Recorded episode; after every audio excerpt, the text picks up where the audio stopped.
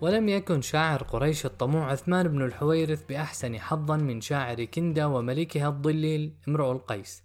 كان عثمان سيدا من سادة قريش وهو إلى ذلك شاعر من شعراء مكة وقد وفد على قيصر ملك الروم بالقسطنطينية فتنصر وحسنت منزلته عنده.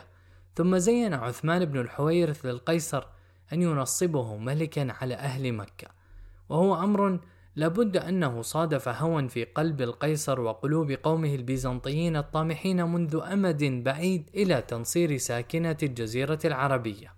واستخدامها في حربهم مع الفرس وقد روى الزبير بن بكار واتبعه ابن عساكر قصة المغامرة السياسية التي خاضها ابن الحويرث مع أهل مكة فقال عن عروة بن الزبير قال خرج عثمان بن الحويرث وكان يطمع أن يملك قريشا وكان من أظرف قريش وأعقلها حتى قدم على قيصر وقد رأى موضع حاجتهم ومتجرهم ببلاده فذكر له مكة ورغبه فيها وقال: تكون زيادة في ملكك كما ملك كسرى صنعاء، فملكه عليهم وكتب له إليهم، فلما قدم عليهم قال: يا قوم إن قيصر من قد علمتم أمانكم ببلاده، وما تصيبون من التجارة في كنفه، وقد ملكني عليكم. وإنما أنا ابن عمكم وأحدكم وأنا أخاف إن أبيتم ذلك أن يمتنع منكم الشام فلا تتجروا به ويقطع مرفقكم منه. فلما قال لهم ذلك خافوا قيصر وأخذوا بقلوبهم ما ذكر من متجرهم. فأجمعوا على أن يعقدوا على رأسه التاج عشية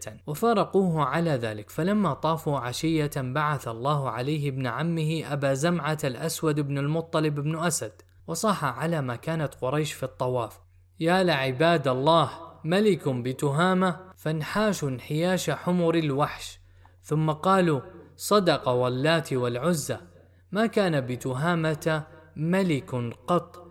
فانتفضت قريش عما كانت قالت له ولحق بقيصر ليعلمه.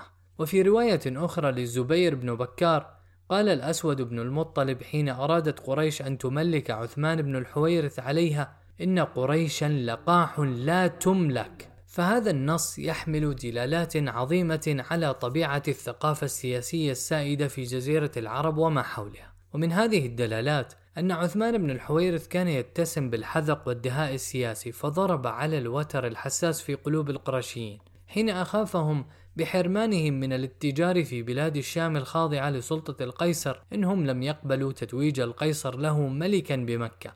ومن دهائه أنه فعل ذلك مع القيصر بقوله تكون زيادة في ملكك كما ملك كسرى صنعاء. ومن دلالات النص أيضا أن الروم البيزنطيين الذين فشلوا في إخضاع مكة بحملتهم العسكرية الحبشية القادمة من اليمن جنوبا سعوا مسعا سياسيا ناعما لتحقيق هذه الغاية من الشمال.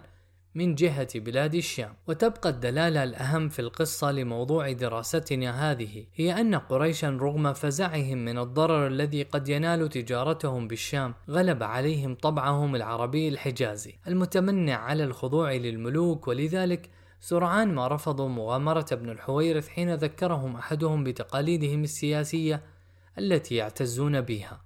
ومنهم أنهم قوم أحرار لا يخضعون للملوك فتغلب العرف الاجتماعي على ثقافة الدولة كما يقتضي الأصل السائد في المجتمع العربي التقليدي عموما. فالفرد في نطاق المجتمع العربي التقليدي يفضل الخضوع للعادة الموروثة على اتباع الأمر السلطاني. وقد تصرفت قريش مع مطامع عثمان بن الحويرث ومطامع قيصر الروم طبقا لهذا المنطق الضارب الجذور في ثقافة الجزيرة العربية وتاريخها. والخلاصة أن الجزيرة العربية ظلت عصية على فكرة الدولة. إذ كان المشترك بين تلك الجزيرة العربية أنها لم تعرف مبدأ الدولة وما كان من ممالك ودول على أطراف الجزيرة العربية في القرون السابقة على الإسلام كان امتدادا للإمبراطوريتين المحيطتين بالجزيرة العربية الفارسية والبيزنطية. وهو لا يعبر عن تطور ذاتي للبنية الاجتماعية العربية وينضاف إلى ذلك تحلل ممالك الأطراف تلك قبيل ظهور الإسلام وبالتزامن معه.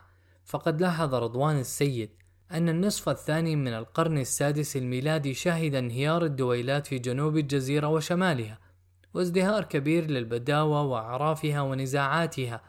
وكل هذا يبين عمق الفراغ السياسي العربي الذي ظهر فيه الإسلام فترك بصمة عميقة على مسار القيم السياسية الإسلامية في واقع الحياة.